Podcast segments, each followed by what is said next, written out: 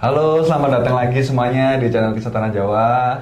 Apa ya, kita enaknya memanggil ini apa sih mas biar agak pendek itu ada kata-kata lain gak sih om? Apa enaknya buat para teman-teman semuanya? Javanika Javanika. Ya. Javanika boleh. Gimana? Kalian setuju nggak dipanggil Javanika? Daripada penonton setia Kisah Tanah Jawa itu kan panjang banget ya. Oke, mulai sekarang kita akan panggil kalian Javanika. Oke ya. Javanika. Javanika. Jadi teman-teman semuanya eh, di obrolan santai sebelumnya kita pernah membahas tentang pusaka dan kali ini mungkin kita juga akan membahas sedikit tentang pusaka kayak gitu kan dan di episode sebelumnya kita membahas tentang tentang macam-macam pesugihan dan mungkin di episode kali ini kita akan mencoba untuk ya mera- meraba-raba sesuatu yang baru sebuah bentuk entertainment yang dulu pernah ngetop pada masanya di Pulau Jawa juga yang mungkin kalau sebagian orang sini pasti tahu bernama seni tari kuda lumping atau bahasa Jawanya itu jatilan gitu kan sebuah seni tari yang mungkin di masa-masa sekarang ini mungkin udah jarang-jarang ada ya mungkin ya Jarang. oh, ya Ada ya di daerah-daerah pinggiran kota. daerah pinggiran. Jadi mungkin bagi sebagian kalian pasti akan terasa asing mendengarkan kata-kata jatilan itu sendiri kayak gitu kan. Jadi untuk lebih lengkapnya mungkin kita akan bahas sedikit atau banyaknya di episode kali ini. Jadi kita mulai dari Mas Mada dulu seperti biasa. Mas Mada tentang jatilan sendiri itu sebenarnya sejarahnya seperti apa sih Mas Mada? Kalau dari sejarah dan literatur itu kayaknya kurang begitu lengkap ya. Maksudnya Iya. sejarahnya tuh bagaimana itu kan kurang saya belum pernah menemukan gitu loh.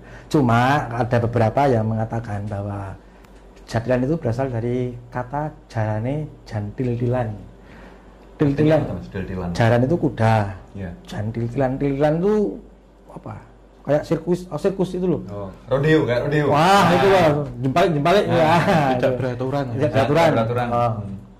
Nah, itu kalau di dalam sejarah itu disebutkan bahwa eh, merupakan penggambaran serangan Raden Patah bersama Sunan Kalijogo menuju Majapahit. Majapahit. Hmm, tapi itu juga saya ragukan.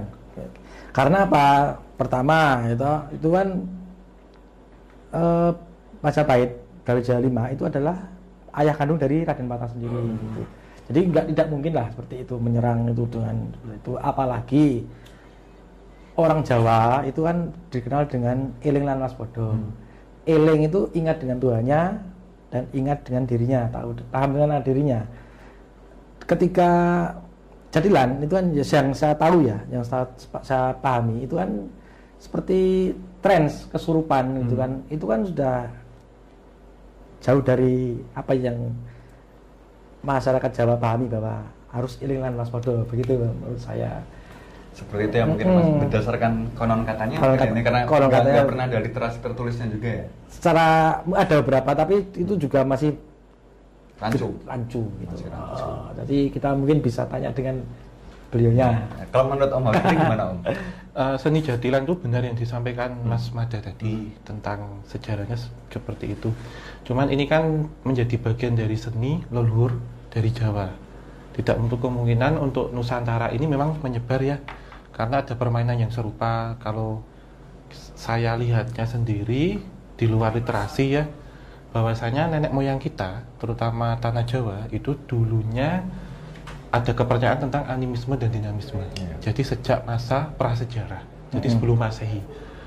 Dari permainan ini kan bertujuan untuk mengundang kembali atau memanggil kembali roh ataupun Spirit spiritual dari Nenek moyang. nenek moyang yang dimasukkan ke media tertentu sehingga permainan ini adalah sebuah dari mediumship, mediumisasi.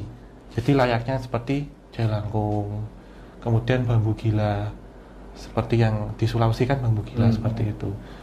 Dari ruh nenek leluhur, eh, leluhur ini lantaran untuk membakar semangat. Jadi di era-era Mataram klasik itu ya di era-era candi-candi di era klasik itu dipakai untuk membakar semangat para pasukan berkuda. Karena di awalnya dulu menggunakan kuda yang sesungguhnya. Jadi sebelum bertampur, sebelum bertarung itu jadi kayak ada pengur dikobarkan semangatnya gitu. berarti aslinya itu tarian perang. Tarian perang Tarian ya, perang. karena kan di situ memperlihatkan pasukan berkuda. Tetapi mengikuti perkembangan zaman di era kolonial itu bergeser mengikuti era klasik di mana ada satu orang yang membawa komando atau membawa cambuk Hmm. beserta bawahan-bawahannya. Ibarat kata seperti majikan dengan para bawah-bawahnya gitu ya Dan mungkin. yang harus patuh harus nurut. Romusa Ya, ada simbol perlawanan terhadap penjajah. aja. Di era klasik pun sama, jadi simbol perlawanan masyarakat bawah dengan pem- eh, pemimpin atas seperti ti- keberatan akan upeti misal itu. Tetapi di era kolonial ditegaskan bahwa di negara kita ini ada perlawanan terhadap penjajah. Sehingga kan kalau kita lihat di tarian itu kan awalnya nari biasa ya. Iya. Ada seperti seremonial di situ permainan itu yang kemudian saat dikumpulkan semua cambuk itu dimulai dipukulkan dipukulkan dan sem- mereka semuanya Jatuh. berbaring jatuh Gitu. ya Hmm. jatuh jatuh terus habis itu sudah gerakannya tidak bisa teratur Iya. Jalannya jadil-dilan tadi itu ya. Iya, jadi ada yang menyerupai bentuk macam-macam. Karena kalau saya sendiri melihat seni ini, itu tidak ubahnya seperti melihat pertunjukan sirkus. Jadi ada yang menyerupai buaya, Hmm. ada yang menyerupai kera, ada yang menye- menyerupai ular, macam-macam. Hmm. Dan setelah itu kan mereka ada yang minta macam-macam ya, ada minta bunga, ada minta buah kelapa utuh, kemudian di dibuka Buka pakai, pakai mulut, mulutnya ya pakai gitu. gigi, Hmm. ada yang makan beling, obor, Hmm. ada yang makan arang, kemudian ada yang lari-lari mana- manjat pohon, dan ada juga yang nyeleneh itu Nabrak-nabrak penontonnya tuh ya. Ah, ada bahkan yang kejadian itu si sosok ini itu minta maaf celana dalam dari Hmm. penonton perempuan ada juga itu Jadi biasanya itu memang kelakuan asli dari para hantu-hantu yang merasuki biasanya mereka kayak makan beling itu kan sebenarnya kan juga bukan kelakuan Iya. hantu-hantu manusia biasa Iya. gitu ya. Itu jadi sadar kok ya tuh ya. Iya. Sadar ya. permainan ini sendiri itu sebenarnya merebak mulai dari pedalaman tanah Jawa di bagian tengah bagian tengah lagi yaitu di Kedu, Kedu. Kedu. di Karesidenan Kedu meliputi Temanggung Magelang dan sekitarnya itu di, di- karena antara Jatilan di pesisir utara ya Temanggung ke bawah itu dengan pesisir Gunung Merapi di daerah Serumbung saya sebut di Magelang itu berbeda-beda. Oh, beda ya ya. ya. Jadi ada yang sejak awal sudah diberikan seperti dari pawang Jatilan itu sudah me- memberikan mediasi dulu, tapi ada juga yang di pertengahan Hmm. dengan diiringi gending, lagu-lagu campur sari, dioplos dengan lagu-lagu Koplo. koplo dan koplo. Jadi dengan suasana yang cukup jingkrak ya Mas ya, Hmm, cukup hmm. cukup koplo lah gitu. Pancak. Bling bling bling bling bling.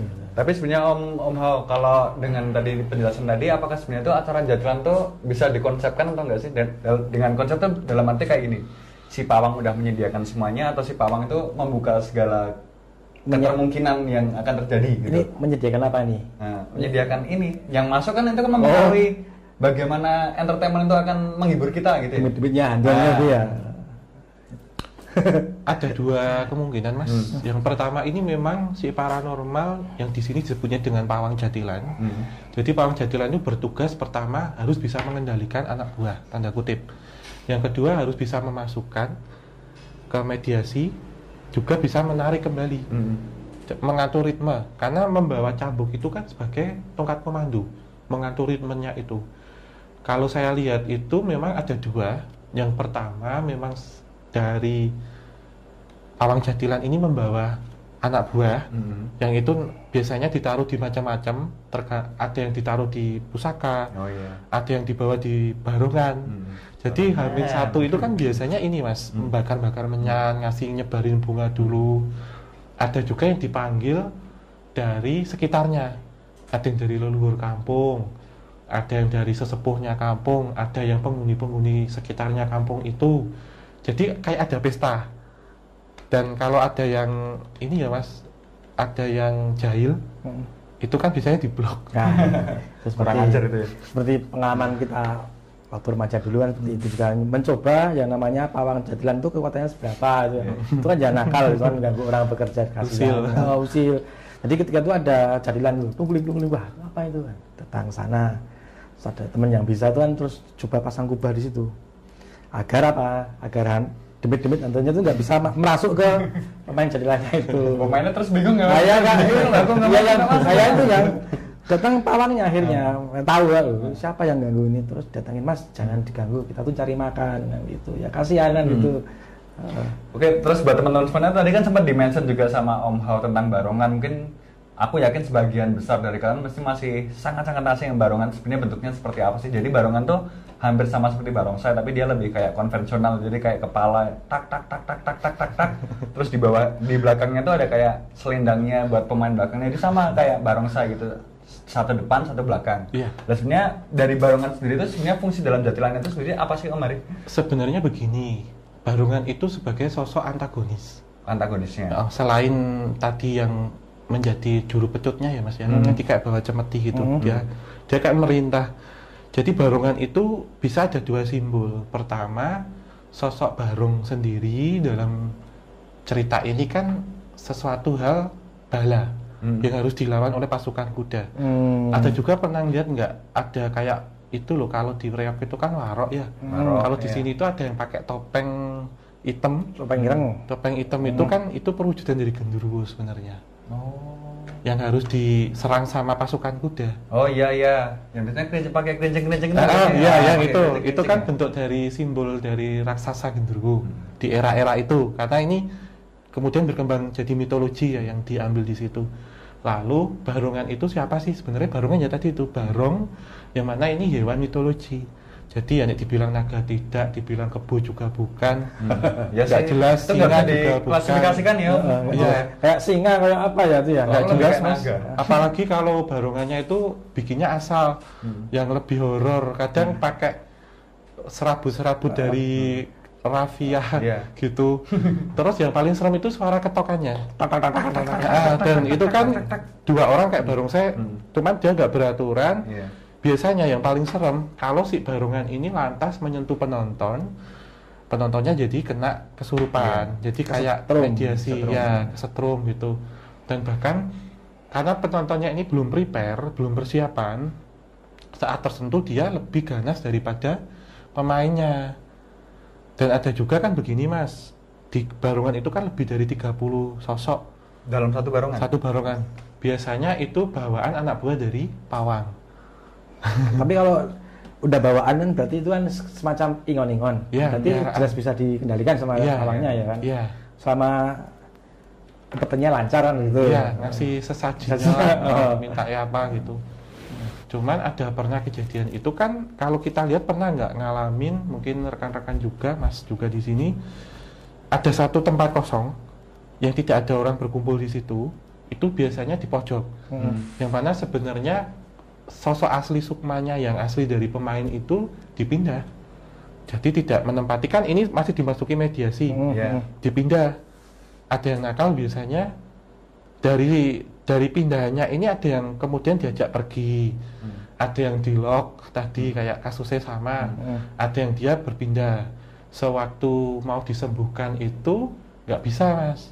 Ada yang sampai tiga hari bahkan nggak sadarkan diri Ya Om Hao, aku penasaran ini, tapi pen- apa pertanyaannya agak lucu sih ya. Hmm. Eh, Tadi kan Om Hao bilang ada satu satu tempat kosong untuk Hmm. menaruh si korin ya. Iya, sukmanya, Sukmanya. ya softwarenya yang Ya, main gitu. pemainnya jalan kan softwarenya semuanya berkumpul di sini Maya. Nah itu apa yang mereka rasakan Om ketika mereka menjadi sukma dan melihat pemiliknya pada joget-joget kayak ya gitu. sudah beda dimensi tapi Iya, dimensi. mereka diam aja dan kayak orang linglung Oh, linglung, biasanya. oh. Dan satu hal lagi, kalau bermain dengan mediasi, mediumship, pemasukan keluar masuk uh, korin, sukma, secara tidak tercover, tidak terkontrol itu ada satu efek negatif mas. Iya. Bahwasanya orang yang sering sekali keluar masuk keluar masuk keluar masuk, katup di kepala ini, katup astralnya itu terbuka. Jadi dia sangat sensitif, sangat peka sekali dengan hal-hal yang namanya kerasukan. Hmm. Jadi mediasi dan itu sangat bahaya karena sukmanya sejatinya itu akan berkurang, berkurang dan berkurang. Hmm. Sehingga kalau tidak bisa mengcover dari yang bersifat non medis menjadi medis sehingga orang ini gampang linglung, gampang lupa, Sakit. sakit, gampang kerasukan juga. Iya. Itu. Tapi memang bener sih ini Om Hao. Ketika waktu dulu zamanku aku kecil sering ngeliat ini sendera tari jatilan ini pasti dalam satu desa-desa pasti yang kerasukan itu itu itu Iya. aja. kan penonton juga pasti itu pasti itu pasti itu. Iya, dan kalau sekali kerasukan itu halnya sama dengan pembukaan mata batin.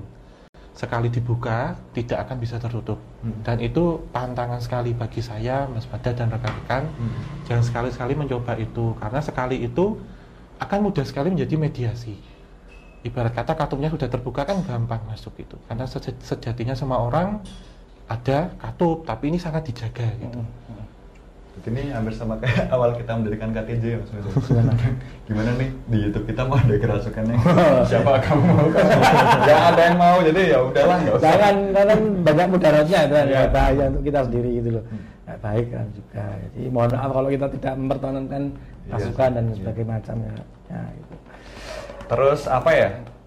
Ya intinya penjelasan sih seperti itu tadi ya mungkin Ya, secara secara nah. garis besarnya kayak gitu. Ya intinya kita tidak mengatakan itu salah atau Hmm. enggak ya itu namanya budaya ya Iya. sudah gitu kan seperti itu. Intinya namanya barongan itu sangat-sangat ngeri gitu. Dan kalau saya malah kasihan ya dengan pemainnya, maksudnya dengan maaf ya maaf Hmm. maaf kata itu dengan penghasilan yang mungkin tidak sebanding iya. dengan yang harus dia keluarkan dengan Hmm. kerasukan seperti itu kan kasihan. Kalau saya pribadi kasihan. Ya, itu sakit ya Oma berarti ya ketika dia Sakit. kerasukan terus dia kayak dicambuk pak gitu. Ketika dia kerasukan memang dia nggak merasakan Iya, apa-apa ya. itu sakit setelah itu mas Masalah itu. Kasihan setelah itu ada yang Kasihan. seperti tubuhnya ini kan berat Hmm. lalu gampang lemas karena Hmm. saya juga punya teman yang seperti itu misalkan dia minggunya jatil Hmm. sehari berikutnya biasanya jamunya pakai telur telur bebek apa telur ayam kampung itu karena tak tanyain kenapa ya mas kok Hmm. seperti itu wah awakku ini badan saya ini kayak habis dipukulin orang sekampung gitu Sebenarnya dia pas saya lihat juga kayak cuman ngelesot-ngelesot Hmm. dipukulin bener jadi maaf ya kayak hewan gitu Iya. terus setelah itu dikembalikan biasanya kayak orang gimana ya mas kayak komputer itu di restart tapi langsung dimatikan Cabut gitu ya? iya, Cabut dipaksa gitu. gitu ya. Harus ulang gitu ya. iya modelnya seperti itu dan itu keseringan loh mas ada yang setiap minggu manggung Iya. setiap minggu manggung kasihan juga ya dengan penghasilan sekian Hmm. walaupun memang ini tarian yang sakral Hmm. tapi karena ada pergeseran nilai Budaya. dan tujuan entertain ya kalau nggak ada kesurupannya nggak menarik Nggak seru. Jadi itu. Tapi kalau ditiru kan emang kasihan ya Mas Manda ya. Kalau Iya, kalian iya. pernah ngeliat juga pasti sekarang kalian juga bakal ngerasain kasihan. Kasihan, Waktu kasihan. kecil mungkin kita seneng ya gitu. Wah wah wah wah. Terus-. Iya ternyata dipikir-pikir setelah kita ya tahu gimana susahnya cari uang gitu kan. Ngeliatin orang gitu juga Iya. sebenarnya kasihan juga. Iya. ya. Terus apa lagi nih? Ini Oh iya, Lupa. Tadi kan kita ngebahas tentang cambuk ya. Cambuk dan ini mumpung nih tadi Om Hao juga membawa sesuatu benda yang kebetulan bentuknya seperti cambuk. Ini akan kita sedikit bedah juga ya. Ini sebenarnya apa Om Hao?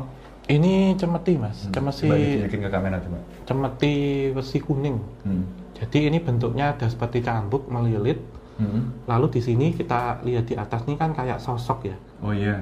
sosok sosok yang berdiri seperti duduk tapi Hmm. seperti bermengkomando sebentuk cambuknya sendiri seperti ular sebenarnya cemeti yang dimaksud di sini itu sebagai tongkat komandonya mas Hmm. jadi orang yang punya hajat pegang ini itu bisa memerintah sosok-sosok gaib dalam arti ya sosok-sosok gaib bawah lah ya Hmm, hmm, untuk kelas. untuk ngikut menengah ke bawah. menengah ke bawah untuk ikut perintah dari ini karena seperti kalau dibuka gini kan memang gini ya tapi kalau sudah keluar energi metafisiknya ini langsung bentuk cambuk itu mas jadi kayak buat mukul Kayak api itu ya. keluarnya. ya benar mas warnanya auranya merah Api ya. auranya merah terus ada kepercayaan juga sugestinya bahwa siapa yang memegang ini bisa untuk kewibawaan untuk misalkan jual beli tanah cepat laku Hmm. salah satu contohnya ada lagi jika ada dengan lelaku tertentu untuk memikat lawan jenis Hmm. jadi bisa jadi untuk itu juga Tapi ini dibuat oleh manusia kah juga Om Ari? ini dibuat oleh manusia Hmm. cuman dengan mediasi supranatural Hmm. dan sosok-sosok gaib di alam sana ini kemudian berpindah jadi seperti ditarik mas biasanya karena diisi oleh energi-energi astral yang ada di Hmm. dimensi lain gitu tapi ini buatan manusia mas Hmm. biasanya tahun 1945 sekian gitu Era-era kemerdekaan itu ya. Ya terus ini kan ada cerutu Iya. cerutu ini memang bukan kami musyrik tapi ini memang kami taruh di sini karena tujuannya pertama juga untuk memberikan eh, wewangian karena ini kan wanginya wangi tembakau Hmm. lalu sifat dari tembakau juga untuk menyerap jadi kayak silika ya. gelnya ya Hmm. untuk untuk penyerapan ini yang lain kan misal tembakau itu kan aromanya juga kadang diisap sama Hmm. mereka jadi biar nggak rewel gitu Nah, Mas Manda sendiri ada cerita nggak Mas tentang ini benda ini? Enggak sih, kalau saya lihatnya ya cuma ular sama merah tadi itu. Iya, itu Ini aja. ada isinya juga. Ada, ada sosoknya sama seperti ini, tapi Yang di ini? dalam, iya, kayak sosok anak kecil duduk gitu. Sangar ya. Iya, terus dia bawa ular. Atau kadang sering membayangkan betapa uniknya ya berarti dunia yang nggak bisa kita lihat ada anak membawa ular dari, dari Oh, seperti ini ya. itu- Dari keresman kita udah ada apanya gitu kan. Andai kan aku bisa lihat terus itu dunia itu sangat menarik. Kalau perang kalau itu sangar ya kayak Iya. laser-laser itu loh. Nah, itu seperti itu kan. Kalau nggak pakai itu kan, nah, cahaya. api-api semua itu loh. Tapi cahaya-cahaya. ketika perang perang gaib itu sendiri benar sosok-sosok itu mereka berperang juga mas. Anu, kayak energi itu loh, cahaya-cahaya itu loh. Hmm. Perang energi. Energi. eh. ini sebentar saya Ya. lihat dulu. Kalau ini eh Masih kuning Mas. Masih kuning ya? Iya. Bisa buat pegangan kekebalan juga bisa. ini ada paspornya nggak? Ada passwordnya, Mas. Jadi misalnya mau dipakai ini harus pakai paspornya dulu Passwordnya ya. ada lampu tirakat Nah, tertentu. ya. Jadi nggak bisa asal sembarangan. Misalnya Mas Iya. Benta pengen kelihatan berwibawa, kelihatan, kelihatan sangar gitu kan, nggak bisa. Dipegang nggak bisa. bisa. Biasanya sih kalau barangnya ini ditinggal di rumah, Mas. Hmm. Barang bendanya ini ditutup kain gini, Ya. diting- ditaruh di lemari atau digantung di depan pintu. Pintu. Yang dibawa ini adalah kodamnya. Mm-mm. Kodam itu adalah jin yang menempati suatu benda, pusaka atau mustika. Kalau ini tergolong pusaka, tergolong pusaka. Tapi kayak gini kan kayak otomatis ya, ketika ini ditaruh di rumah, ketika Hmm. dia yang pemiliknya ini eh, membutuhkan sesuatu, otomatis dia datang ya, Trit, gitu ya. Iya, iya. Jadi kayak udah auto gitu ya. Teleport langsung. Transportasi, iya. Gitu. Eh, Mas Manda sama Om Hawa, aku nanya tentang sebenarnya apa kayak pusaka tarikan itu sebenarnya gimana sih Mas? Kok mereka tuh bisa tiba-tiba keluar gitu tuh gimana sih Mas sebenarnya? Hmm, Kan dulu pernah kita bahas di Chris itu ya. Oh iya. Agak nyimak. ya anu gini itu ada ada yang sengaja tipuan. Ah. misalnya nih Mas Genta pengen butuh Hmm. datang ke saya saya dukun gitu ya. Mas Genta pengen apa? Pusaka untuk kekebalan Hmm. oke nanti malam kita cari di gua sana. Saya siangnya udah naruh dulu. Sorenya tas- saya taruh dulu terus nah itu nah ke sana wah saya sulapan di sana kan. Saya tarik itu. Mas Genta kan terperangah itu. Wah, ini dari yang semar misalnya gitu berapa maharnya ini harus dimahar 10 juta karena lihat Mas exciting masa wah ini hebat sekali ya terus dibayar ya gitu itu kan penipuan seperti itu Tapi sebuah pusaka itu dia punya kuasa untuk menolak ampunya nggak sih Om? Bisa. Bisa ya? Kadang dia juga bisa memilih, jadi tidak perlu ditarik. Kadang kita suruh ke mana, lantas nanti ngambil apa kok ada yang nyantol. itu yang pusaka-pusaka grade at- ke atas Ya, tuh. itu Ya, namanya wangsit. wangsit Ya. ah, ya. Jadi gimana teman-teman pembahasan kita malam ini? masih kurang ya? Cukup mungkin cukup atau ya mau tambah-tambah lagi? Cukup lah ya. Lah. Ya, nanti ya oke lah cukup ya teman-teman jadi sekiranya mungkin di obrolan santai ini kita nggak nggak terlalu panjang untuk membahas sesuatu yang jelas dalam kesempatan kali ini kita semuanya udah membeberkan sedikit tentang sebuah sendera tari kebudayaan yang udah mulai dilupakan oleh orang-orang kita juga ya karena jadwal tuh kok udah makin sedikit sekarang gitu kan. Kalau ada aja mau nonton lagi gitu. Jadi gitu ya teman-teman semuanya. Buat pembahasan malam ini semoga kurang dan lebihnya bisa bermanfaat untuk kalian semuanya. Dan sampai jumpa lagi di video-video kita selanjutnya. Oke para Javanika sampai ketemu lagi. Terima kasih